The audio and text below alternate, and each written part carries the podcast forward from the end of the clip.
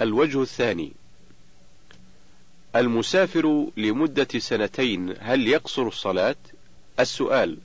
حدث نقاش بيني وبين أحد زملاء العرب في قصر الصلاة ونحن في أمريكا، وربما نمكث فيها سنتين، فأنا أكمل الصلاة كأني في بلدي، وزميلي يقصر الصلاة لاعتباره آه، نفسه مسافرا، ولو طالت المدة إلى السنتين، فنأمل بيان حكم قصر الصلاة، فنأمل بيان حكم قصر الصلاة بالنسبة لنا مع الدليل. الجواب: الأصل أن المسافر بالفعل هو الذي يرخص له في قصر الرباعية لقوله تعالى: وإذا ضربتم في الأرض فليس عليكم جناح أن تقصروا من الصلاة. سورة النساء الآية المئة. ولقول يعلى ابن أمية قلت لعمر بن الخطاب رضي الله عنه: ليس عليكم جناح أن تقصروا من الصلاة إن خفتم أن يفتنكم الذين كفروا. فقال عجبت مما عجبت منه. فسألت رسول الله صلى الله عليه وسلم فقال هي صدقة تصدق الله بها عليكم؟ فاقبلوا صدقته. الهامش رواه مسلم في المسافرين رقم 686 انتهى الهامش. ويعتبر في حكم المسافر بالفعل من أقام أربعة أيام بلياليها فأقل لما ثبت من حديث جابر وابن عباس رضي الله عنهم أن النبي صلى الله عليه وسلم قدم مكة لصبح رابعة من ذي الحجة في حجة الوداع. الهامش رواه البخاري في تقصير الصلاة رقم 1085 انتهى الهامش. فأقام صلى الله عليه وسلم اليوم الرابع والخامس والسادس والسابع وصلى الفجر بالأبطح اليوم الثامن فكان يقصر الصلاة في هذه الأيام وقد أجمع النية على إقامتها كما هو معلوم فكل من كان مسافرا ونوى أن يقيم مدة مثل المدة التي أقامها النبي صلى الله عليه وسلم أو أقل منها قصر الصلاة. ومن نوى الإقامة أكثر من ذلك أتم الصلاة لأنه ليس في حكم المسافر. أما من أقام في سفره أكثر من أربعة أيام ولم يجمع النية على الإقامة بل عزم على أنه متى قضيت حاجته رجع كمن يقيم بمكان الجهاد لعدو أو حبسه سلطان أو مرض فمثلا وفي نيته أنه إذا انتهى من جهاده بنصر أو صلح أو تخلص أو تخلص مما حبسه من مرض أو قوة عدو أو سلطان أو وجود آبق أو بيع بضاعة أو نحو ذلك فإنه يعتبر مسافرا وله قصر الصلاة الرباعية ولو طالت المدة. لما ثبت من أن النبي صلى الله عليه وسلم أقام بمكة عام الفتح تسعة عشر يوما يقصر الصلاة. الهامش رواه البخاري في تقصير الصلاة رقم 1080 انتهى الهامش. وأقام بتبوك عشرين يوما لجهاد النصارى وهو يصلي بأصحابه صلاة قصر. الهامش رواه أحمد في الجزء الثالث رقم 295 وأبو داود في الصلاة رقم 1235 وعبد ابن حميد رقم 1139 انتهى الهامش. لكونه لم يجمع نية الإقامة بل كان على نية السفر إذا قضيت حاجته. إذا قضيت حاجته. انتهى الهامش. الهامش فتاوى إسلامية اللجنة الدائمة الجزء الأول رقم 274 انتهى الهامش. حكم من مات وهو تارك للصلاة والصوم. السؤال تقول السائلة لي ابن يبلغ السابعة عشر السابعة عشرة من عمره توفي قبل شهرين في حادث سيارة لم يكن له أي ذنب فيه. وكان ابني لا يصلي ولا يصوم شهر رمضان فهل يجوز لي أنا والدته؟ فهل يجوز لي أنا والدته وإخوته قضاء آه، شهر رمضان عنه وهل يثاب إذا صمت عنه يوم عاشوراء أو يوم عرفة أو يوم الاثنين والخميس؟ وأنا أيضا أصلي له أربعة آه، أربع ركعات قبل صلاة الظهر وركعتين بعدها وركعتين بعد صلاة العصر والمغرب والعشاء والفجر. الجواب: إن الشخص إذا مات وهو لا يصلي ولا يصوم لا يعتبر مسلما لأن من ترك الصلاة متعمدا كفار. لأن من ترك الصلاة متعمدا كافر. لقول النبي صلى الله عليه وسلم بين العبد وبين الكفر والشرك ترك الصلاة. فإذا مات على هذه الحالة ولم يتب إلى الله عز وجل فإنه لا يجوز الاستغفار له والدعاء له. أما ما تفعلينه عنه من الصلوات فإنه لا ينفعه ولو كان مسلما لأن الصلاة لا تدخلها النيابة. وبالله التوفيق وصلى الله وسلم على نبينا محمد وآله وصحبه وسلم. الهامش اللجنة الدائمة للبحوث العلمية والإفتاء فتوى رقم عشرين ألف ومائة وخمسة وخمسين في يوم عشرين من الشهر الأول من عام تسعة عشر وأربعمائة ألف للهجرة. الزكاة. كيفية زكاة المال المدخر لنهاية العام؟ السؤال إذا ادخر المسلم مبلغا من المال فكيف يكون حساب زكاته في نهاية العام؟ الجواب يزكي المسلم كل شيء ملكه من النقود أو عروض التجارة إذا تم حوله، فالذي ملكه في رمضان يزكيه في رمضان، والذي ملكه في شعبان من راتبه أو غيره من النقود أو عروض التجارة يزكيه في شعبان، والذي ملكه في شوال يزكيه في شوال، والذي ملكه في ذي الحجة يزكيه في ذي الحجة. وهكذا كل مال من الأموال المذكورة تتم سنته يزكيه على رأس الحول. وإذا أحب أن يعجل الزكاة قبل تمام الحول لمصلحة شرعية فلا بأس وله في ذلك أجر عظيم. أما اللزوم فلا يلزمه الإخراج إلا بعد تمام الحول.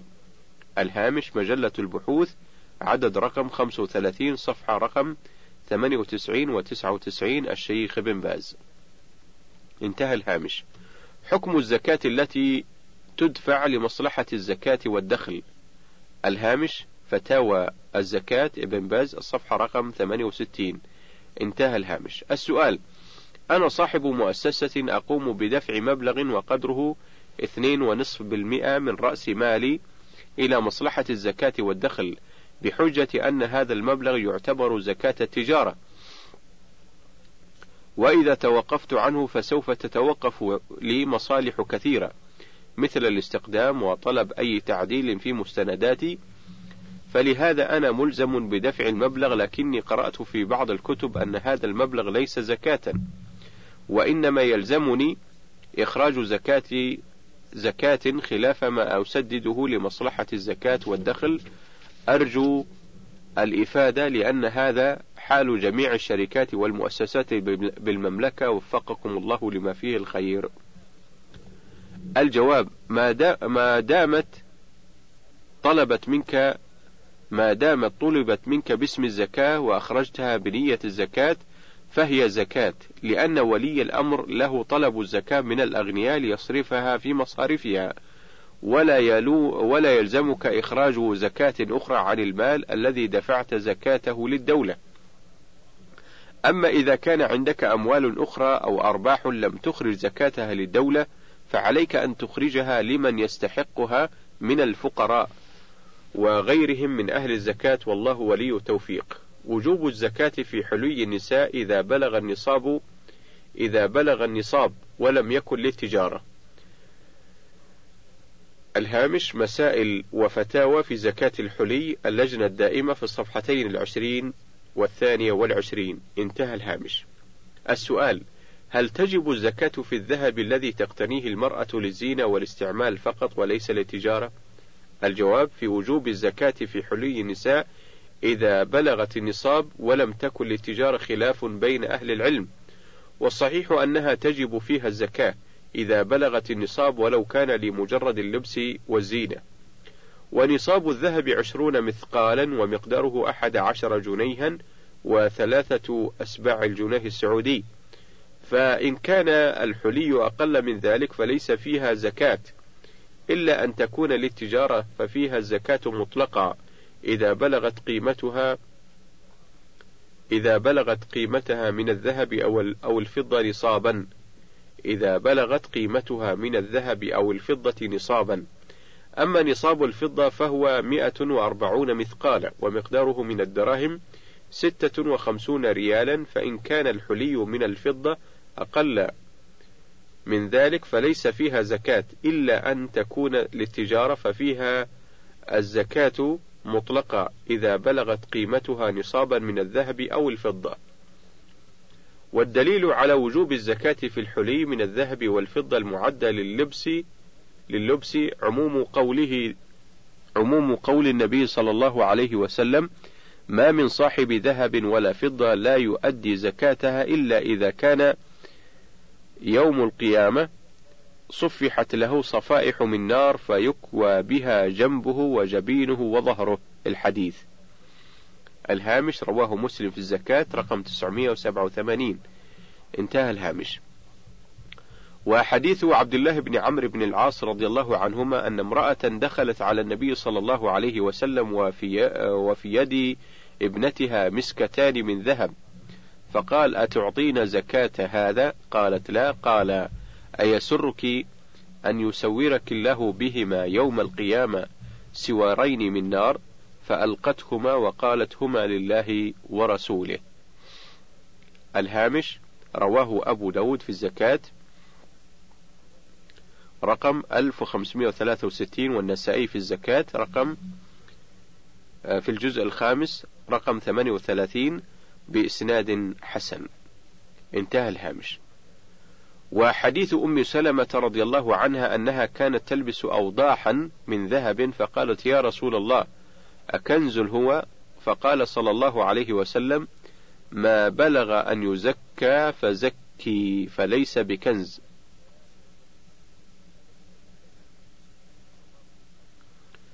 الهامش رواه أبو داود في الزكاة رقم 1564 والدار قطرين بنحوه الجزء الثاني رقم 105 وصححه الحاكم الجزء الأول رقم 390 انتهى الهامش.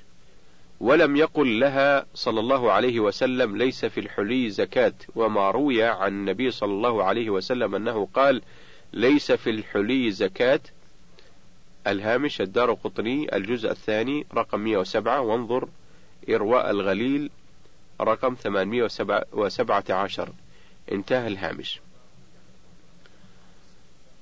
وما روي عن النبي صلى الله عليه وسلم أنه قال ليس في الحلي زكاة فهو حديث ضعيف لا يجوز أن يعارض به الأصل ولا الأحاديث الصحيحة والله ولي التوفيق. تجب الزكاة في حلي المرأة التي تتزين به أو تعيره ذهبا كان أم فضة. السؤال هل تجب الزكاة في الذهب الذي تستعمله المرأة أو تعيره؟ وإذا وجبت فكيف تزكي؟ الجواب تجب الزكاة في حلي في حلي المرأة الذي تتزين به أو تعيره ذهبا كان أم فضة. لدخول ذلك في عموم أدلة الكتاب والسنة التي دلت على وجوب الزكاة في الذهب والفضة مثل قوله تعالى والذين يكنزون الذهب والفضة ولا ينفقونها في سبيل الله فبشرهم بعذاب أليم. يوم يحمى عليها في نار جهنم فتكوى بها جباههم وجنوبهم وظهورهم. هذا ما كنزتم لأنفسكم فذوقوا ما كنتم تكنزون. سورة التوبة الآية الرابعة والثلاثون والخامسة والثلاثون.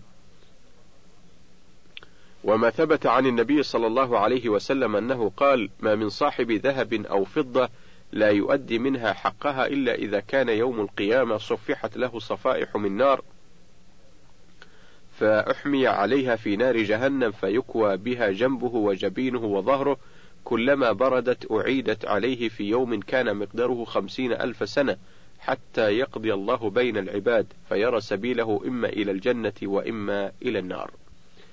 الهامش رواه مسلم في الزكاة رقم 987 انتهى الهامش. ولما ثبت من حديث عبد الله بن عمرو بن العاص رضي الله عنهما أن امرأة جاءت إلى رسول الله صلى الله عليه وسلم ومعها ابنة لها وفي يد ابنتها مسكتان غليظتان من ذهب فقال لها أتعطين زكاة هذا؟ قالت لا. قال أيسرك أن يسورك الله يوم أن يسورك أن يسورك الله بهما يوم القيامة سوارين من نار؟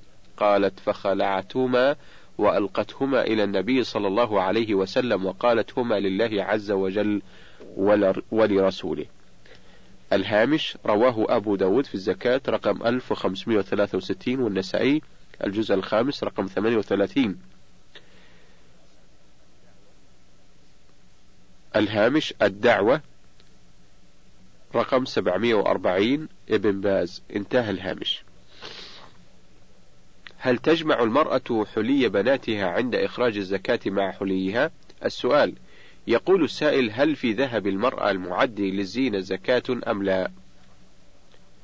الجواب نعم ذهب المرأة عليه زكاة إذا كان يبلغ النصاب والنصاب عشرون مثقالا وقدرها خمسة وثمانون غراما فإذا بلغ هذا النصاب وجبت عليها زكاته سواء ما تلبس أو الذي لا تلبسه إلا أحيانا إذا كان ما عندها يبلغ النصاب فإنها تزكيه لكن لو فرض أن امرأة عندها حلي يبلغ النصاب ولها بنات لكل بنت حلي لا يبلغ النصاب فإن حلي البنات ليس فيه زكاة. لأن حلي كل بنت ملك لها وهو لا يبلغ النصاب. أي لا نجمع حلي البنات بعضه إلى بعض ونزكيه فإن كل بنت مستقل ملكها عن الملك عن البنت الأخرى. الهامش مسائل وفتاوى في الزكاة في زكاة الحلي للشيخ عبد الله الجار الله الصفحة التاسعة والعشرون. انتهى الهامش. ما حكم زكاة الحلي الملبوس؟ السؤال هل يجب أن تزكي المرأة الذهب الذي تلبسه الذي تلبسه إذا كان كثيرا؟ الجواب لقد كثر الخلاف والكلام حول زكاة الحلي الذي تلبسه النساء من الذهب والفضة ونحوهما. فالجمهور على أنه لا زكاة فيه حيث إنه معد للاستعمال ولا نماء فيه وقيل زكاته عاريته. والراجح من حيث الدليل أن يزكى كل عام فيقدر بقيمته الحالية ويخرج عنها ولا ينظر إلى رأس المال. والدليل حديث عبد الله بن عمرو بن العاص في المرأة التي في يد ابنتها مسكتان من ذهب فقال لها النبي صلى الله عليه وسلم أتعطين زكاة هذا؟ قالت لا. قال أيسرك أن يسورك الله بهما سورين من نار إلى آخره. وغيره من الأحاديث والله أعلم. الهامش مر تخريج الحديث قريبا. الهامش المسلمون رقم 54 رقم 54 ابن جبرين انتهى الهامش. ما مقدار زكاة الذهب والفضة وكيفية وكيفية إخراجها؟ الهامش رسائل وفتاوى في زكاة الحلي ابن عثيمين الصفحة الثلاثون. انتهى الهامش. السؤال تقول السائلة وزن زوجي ما أملك من الحلي فكان حوالي تسعة وأربعين جنيها سعوديا فما مقدار زكاته وهل هي بالذهب أم بالريالات؟ الجواب مقدار زكاة الذهب والفضة وعروض التجارة كلها مقدارها ربع العشر. وكيفية ذلك أن تقسم الحاصل على أربعين فالخارج بالقسمة هو الزكاة فهذا الذهب الذي ذكرت السائلة نقول ننظر في قيمته فأي مبلغ بلغت يقسم على أربعين والحاصل في القسمة هو مقدار الزكاة. وسؤالها هل يجب أن يخرج من الذهب أو من القيمة؟ نرى أنه لا بأس أن يخرج من القيمة ولا يجب أن يخرج من الذهب. وذلك لأن مصلحة أهل الزكاة في إخراجها من القيمة. وذلك لأن مصلحة أهل الزكاة في إخراجها من القيمة. فإن الفقير لو أعطيته سوارا من الذهب أو أعطيته قيمة هذا السوار لكان قيمة السوار أحب إليه وأنفع له. كيفية إخراج الزكاة الراتب؟ الهامش فتاوى للموظفين والعمال اللجنة الدائمة في الصفحتين من الخامسة والسبعين وحتى السابعة والسبعين. انتهى الهامش. السؤال موظف يوفر من مرتبه شهريا مبلغا متفاوتا من المال. شهر يقل فيه التوفير وشهر آخر يزيد ويكون أولهما قد مضى عليه الحول. والبعض الآخر لم يضع لم يمضي عليه الحول ولا يعرف مقدار ما وفره في كل شهر فكيف يزكيه؟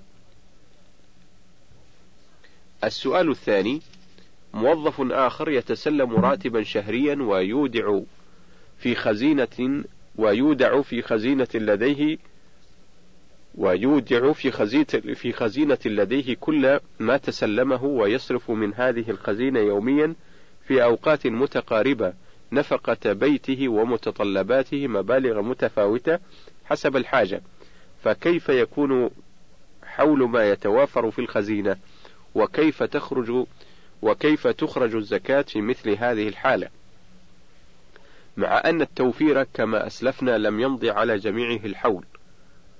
الجواب بما أن السؤال الأول والثاني في معنى واحد وكان لهما نظائر رأت اللجنة أن تجيب جوابا شاملا تعميما للفائدة وهو من ملك نصابا من النقود ثم ملك تباعا نقودا أخرى في أوقات مختلفة وكانت غير متولدة من الأولى ولا ناشئة عنها بل كانت مستقلة كالذي يوفره الموظف شهريا من مرتبه وكإرث أو هبة أو أجور عقار مثلا.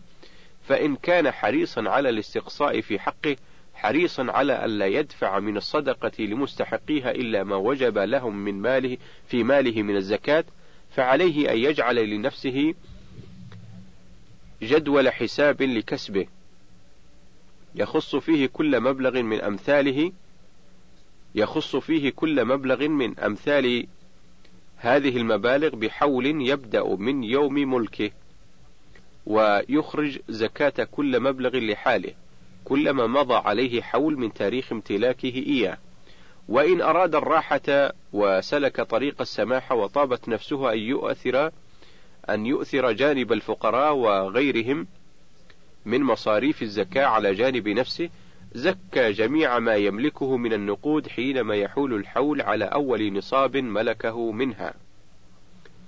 وهذا أعظم لأجره وأرفع لدرجته وأوفر لراحته وأرعى لحقوق الفقراء والمساكين وسائر مصارف الزكاة وما زاد فيما أخرجه عما وجب عليه من الزكاة يقصد به التوسعة والإحسان شكرا لله على نعمه وكثرة عطائه وأملا فيه سبحانه أن يزيده من فضله كما قال سبحانه لئن شكرتم لأزيدنكم.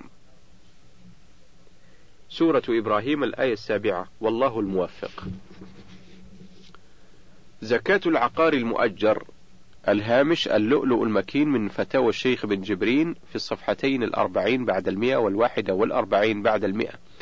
انتهى الهامش. السؤال عندي عمارة مؤجرة فهل أزكي أصل العمارة؟ أي قيمة العمارة؟ أم أزكي الدخل؟ الإيجار؟ افتوني مأجورين. الجواب الزكاة للإيجار فقط. إذا حال عليه الحول بعد ملكه فإن أنفقه قبل تمام حول سقطت زكاته أما قيمة العمارة فلا زكاة فيها لأنها لم تعرض للبيع وهكذا كل ما يعد للاستعمال أو الإيجار لا زكاة في قيمته وإنما الزكاة تكون في غلته. المؤتمن على الزكاة هل يأخذ منها؟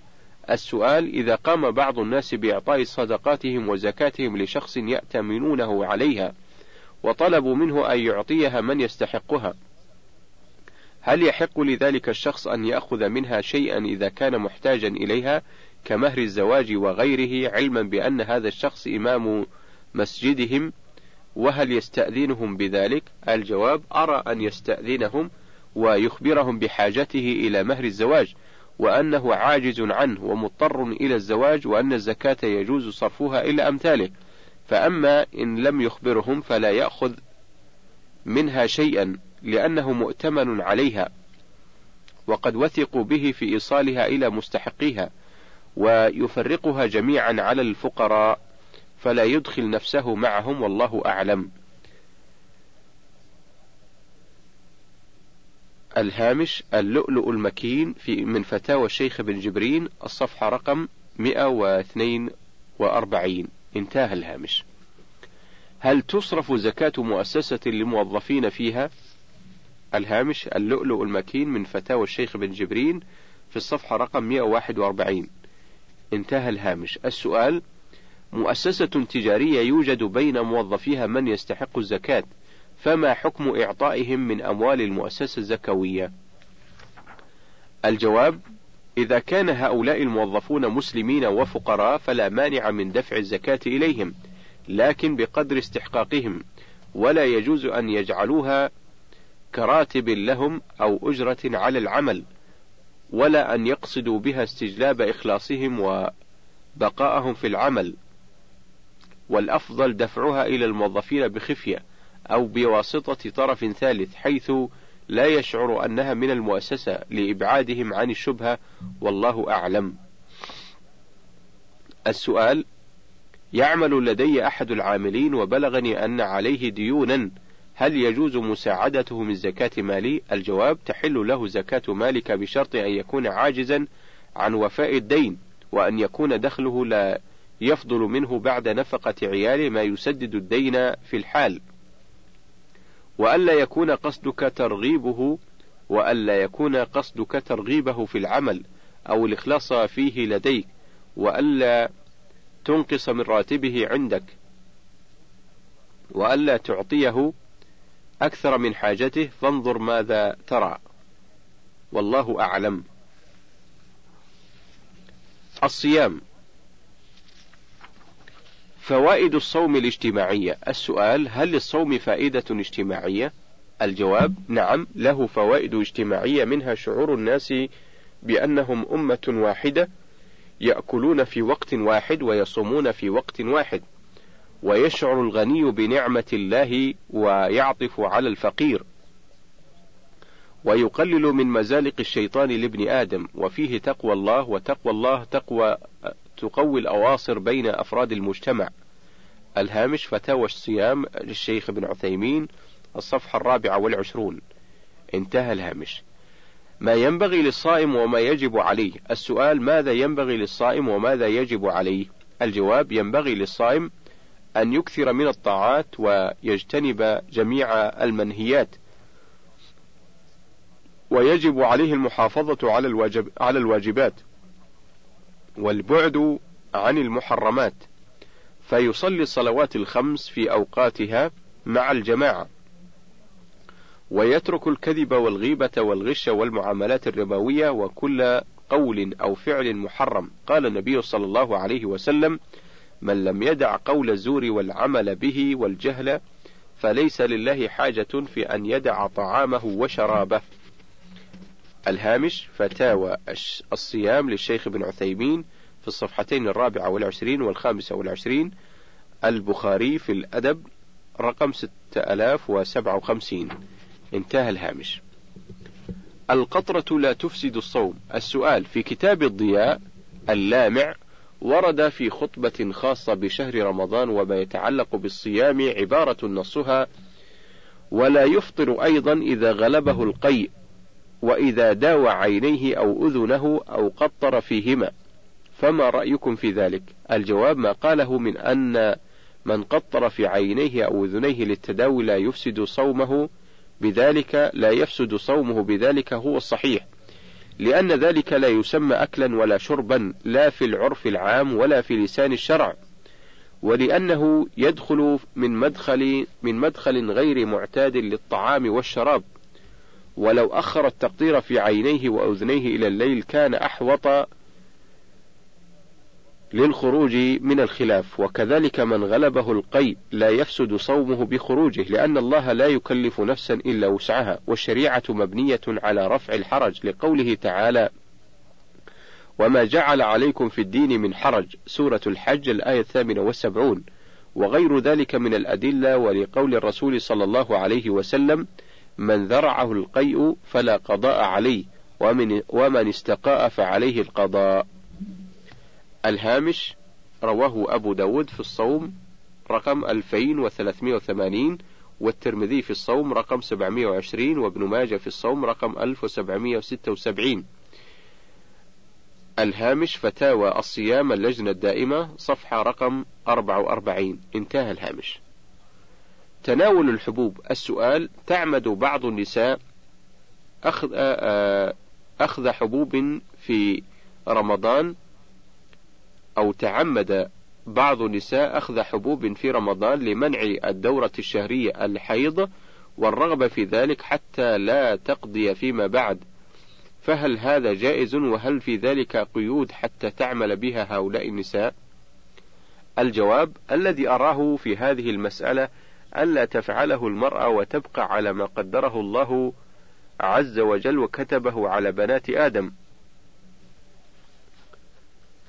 فإن هذه الدورة الشهرية لله تعالى حكمة في إيجادها. هذه الحكمة تناسب طبيعة المرأة. فإذا منعت هذه العادة فإنه لا شك يحدث منها رد فعل ضار على جسم المرأة. وقد قال النبي صلى الله عليه وسلم لا ضرر ولا ضرار الهامش رواه مالك في الموطأ في الأقضية في الصفحة رقم 745 مرسلة وقال النووي وقال النووي في الأربعين وله طرق يقوي بعضها بعضا. انتهى الهامش. هذا بقطع النظر عما تسببه هذه الحبوب من أضرار على الرحم كما ذكر ذلك الأطباء. فالذي أرى في هذه المسألة أن النساء لا يستعملن هذه الحبوب والحمد لله على قدره وعلى حكمته إذا أتاها الحيض تمسك عن الصوم والصلاة وإذا طهرت تستأنف الصيام والصلاة وإذا انتهى رمضان تقضي ما فاتها من الصوم. الهامش فتاوى الصيام ابن عثيمين الصفحة الرابعة والستون. انتهى الهامش. الإسراف في مائدة الإفطار. السؤال الإفراط, الإفراط في إعداد الأطعمة للإفطار هل يقلل من ثواب الصوم؟ الجواب لا يقلل من ثواب الصيام.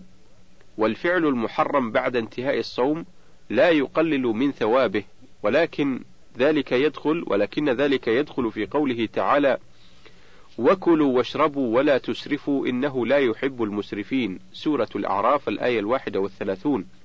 فالإسراف نفسه محظور والاقتصاد نصف المعيشة. وإذا كان لديهم فضل فليتصدقوا به فإنه أفضل. الهامش فتاوى الصيام ابن عثيمين الصفحة الخامسة والعشرون. انتهى الهامش. حكم من أكل أثناء الأذان أو بعده بقليل. السؤال قال تعالى وكلوا واشربوا حتى يتبين لكم الخيط الأبيض من الخيط الأسود. سورة البقرة الآية الثامنة والسبعون بعد المئة. ما حكم من أكل سحوره وشرب ماء وق وشرب ماء وقت الأذان أو بعد الأذان للفجر بربع ساعة. الجواب إذا كان صاحب السؤال يعلم أن ذلك قبل تبين الصبح فلا قضاء عليه.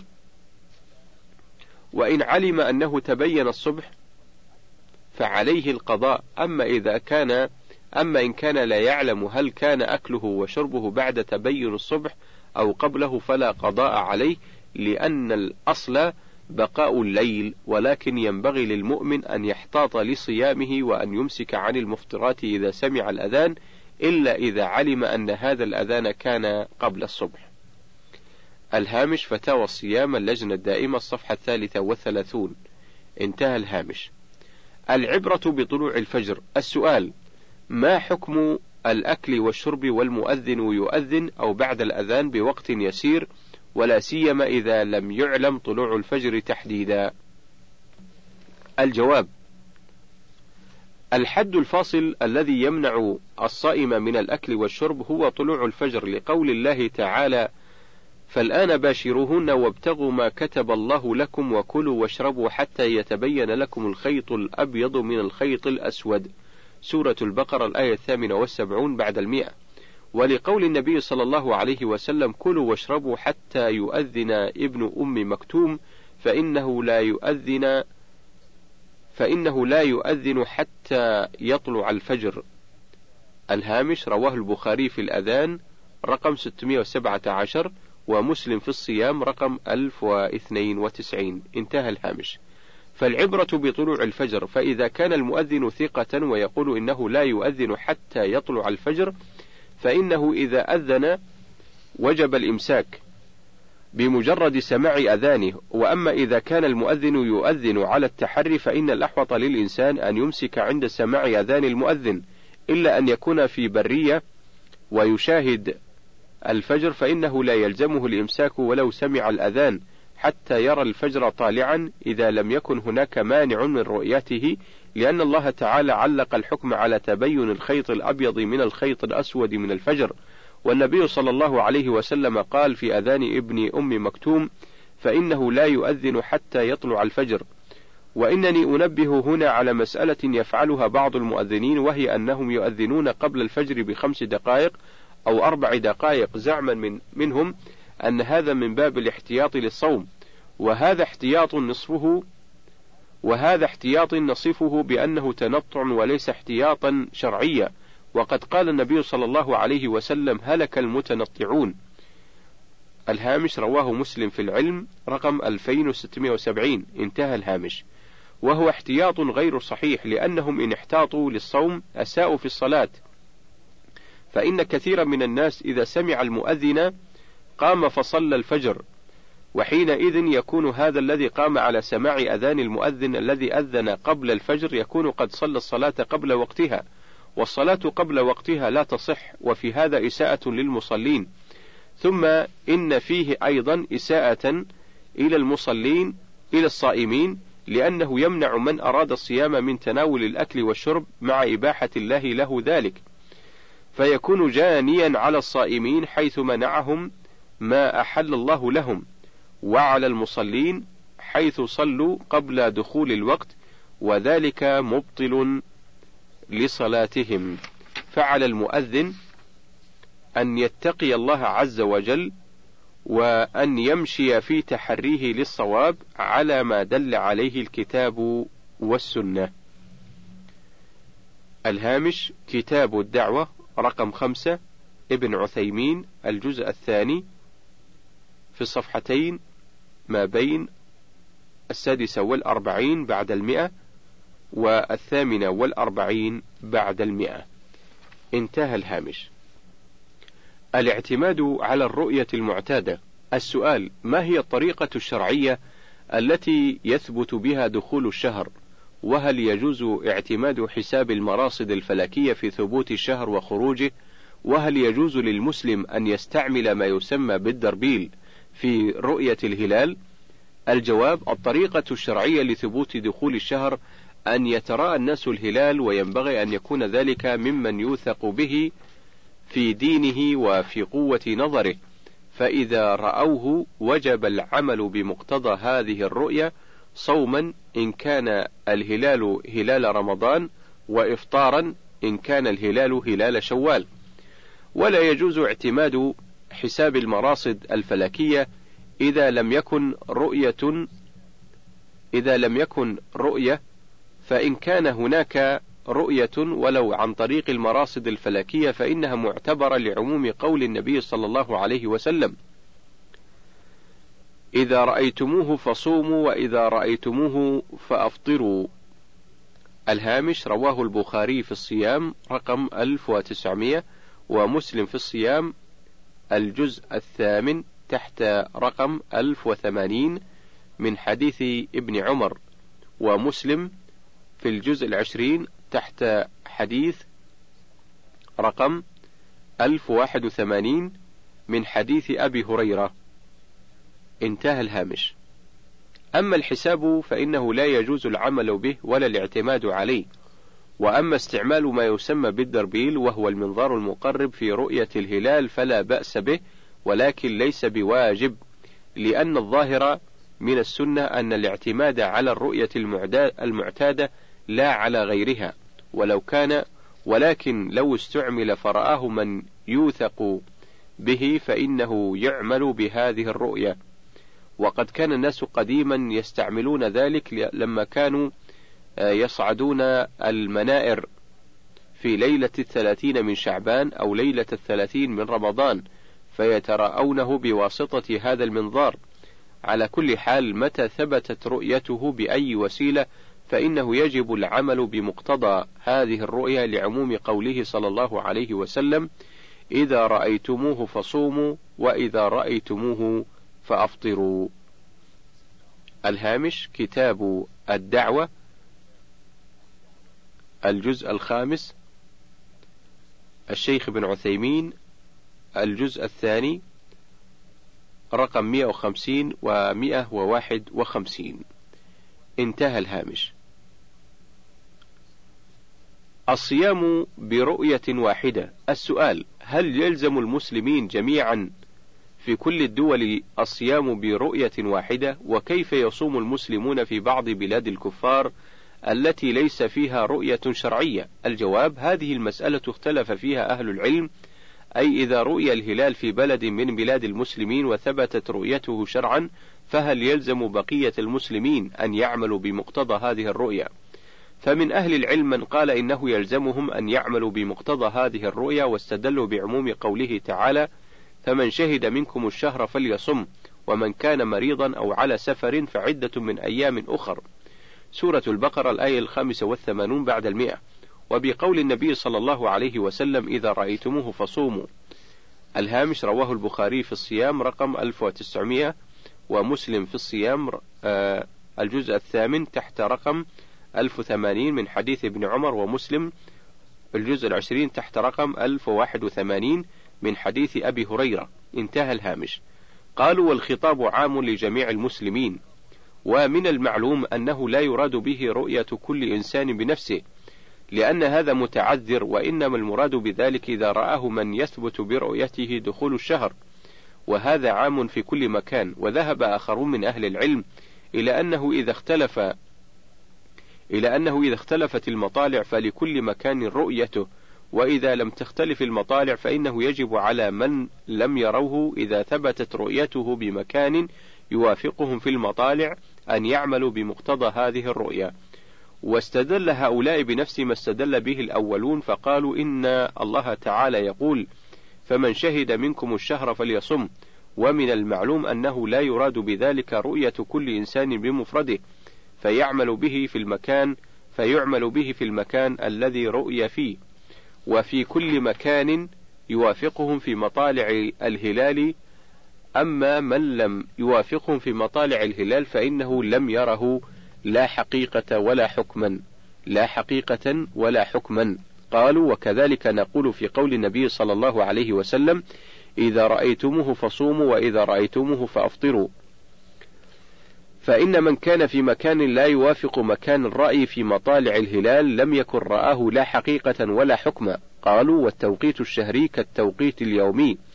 فما فكما أن البلاد تختلف في الإمساك والإفطار اليومي فكذلك يجب أن تختلف في الإمساك والإفطار الشهري.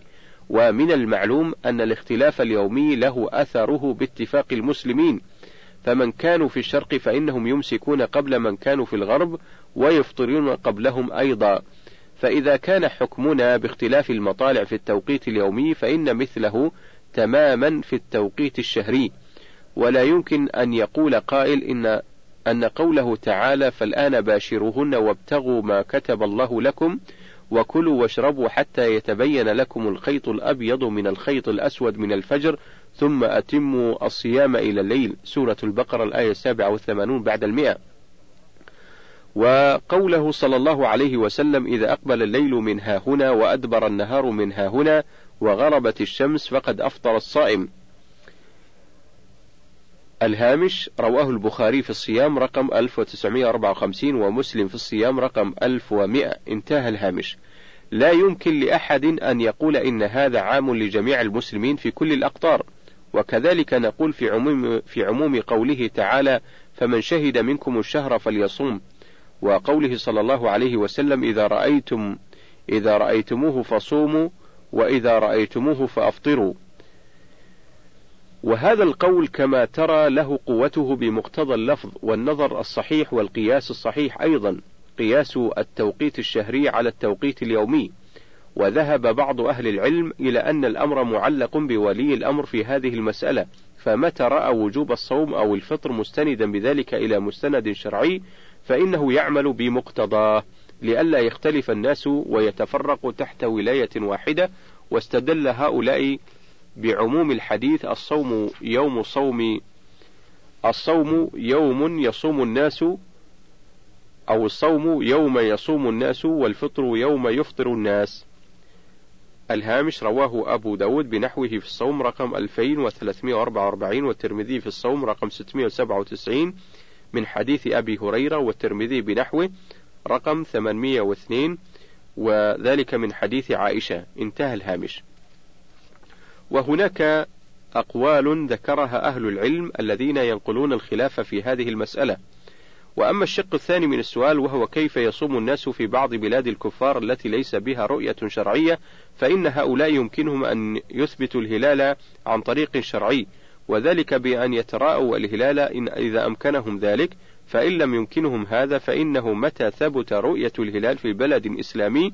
فإنهم يعملون بمقتضى هذه الرؤيا سواء رأوه أو لم يروا فإن قلنا بالقول الثاني وهو اعتبار كل بلد بنفسه إذا كان يخالف البلد الآخر في مطالع الهلال ولم يتمكنوا من تحقيق الرؤيا في البلد التي هم فيها فإنهم يعتبرون أقرب البلاد الإسلامية إليهم لأن هذا أعلى ما يمكنهم العمل به.